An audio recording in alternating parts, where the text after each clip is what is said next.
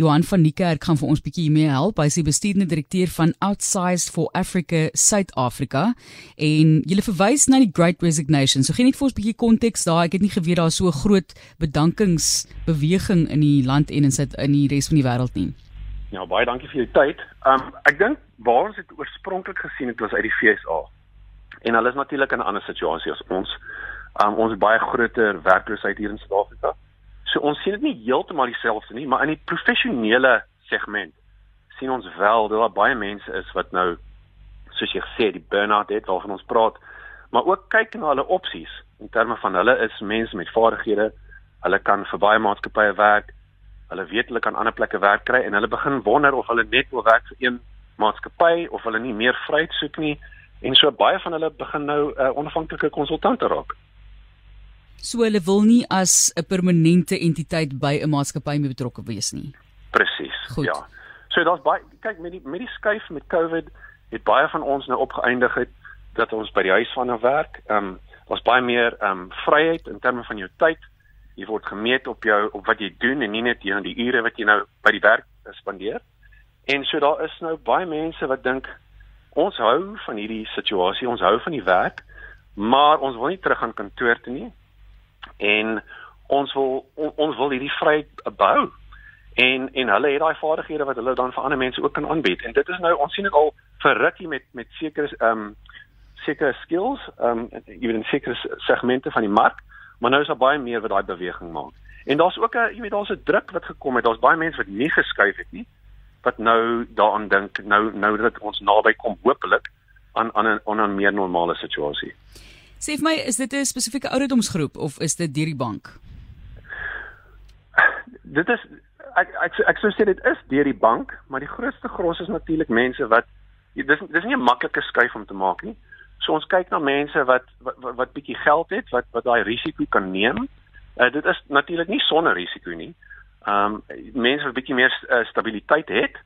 Uh, so dit is seker die wat ook jy weet lank genoeg werk dat hulle weet hulle kan verkoop wat die, wat hulle het in terme van hulle agtergrond. So is meer hierso 10 tot 20 jaar se ervaring. Is inskakel by RSG en ons gesels oor die sogenaamde groot bedanking. So, wat sê jy daarvan? Dink jy dit is 'n goeie ding? Dink jy dis 'n slegte ding? Dink jy dat daar meer gefokus moet word op tipe van 'n vryskut rol in die samelewing as dit kom by spesifieke talent of dink jy nie ons moet hou by iets meer tradisioneel? Is jy nog met ons? Ja. Daar's hy.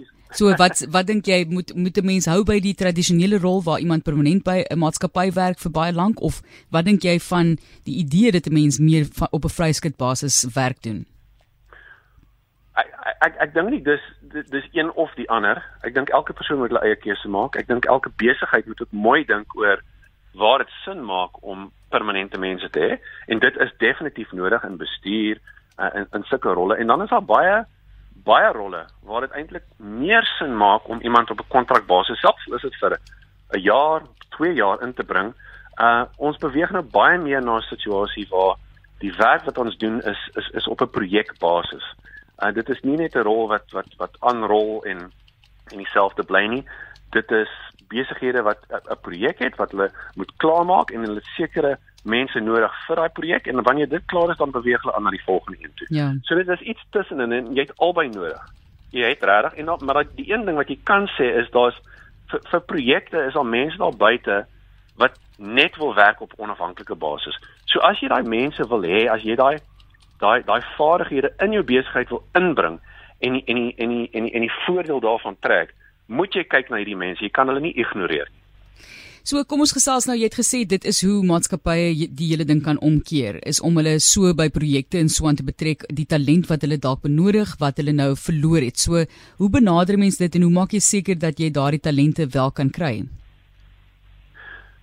Wel die eerste ding is jy moet oop wees daarvoor. Ek dink daar's baie maatskappye wat, wat wat wat kom uit agtergrond waar hulle net permanent aangebring. Ons is nou deur 'n moeilike tyd met COVID. Daar's mense weg, daar's mense wat bedank het.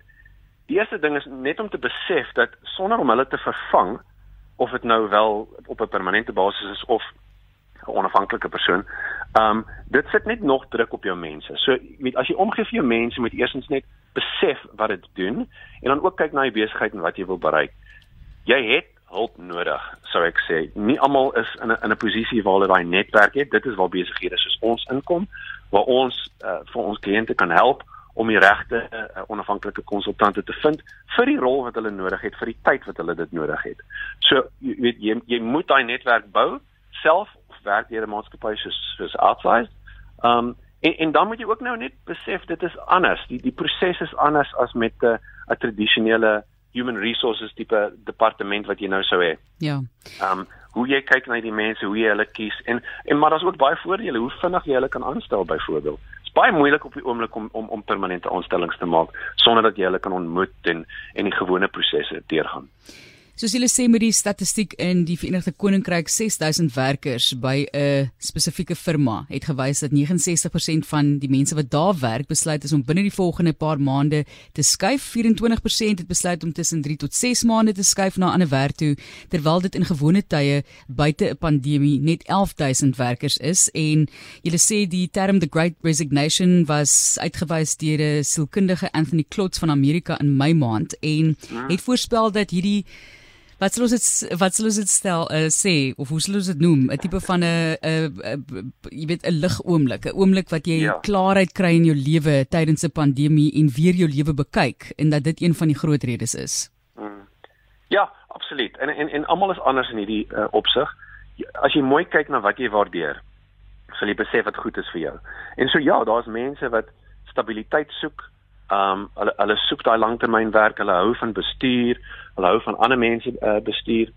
Uh, en en en dan is permanente werk vir jou. Maar as jy daai uh, flexibility soek soos hulle sê, as as jy uh, kan sien en, en ons praat nou mos deesdae van the knowledge economy waar verskillende kliënte se werk wat jy kan doen oor tyd jou meer bemarkbaar maak. As dit die tipe veld is waarin jy is, jy soek daai um flexibility, jy wil um meer balans het tussen werk en lewe by die huiswerk en so aan, dan is dit definitief 'n opsie vir jou. En dit is wat waarvan hulle praat daar in in in die Verenigde Koninkryk.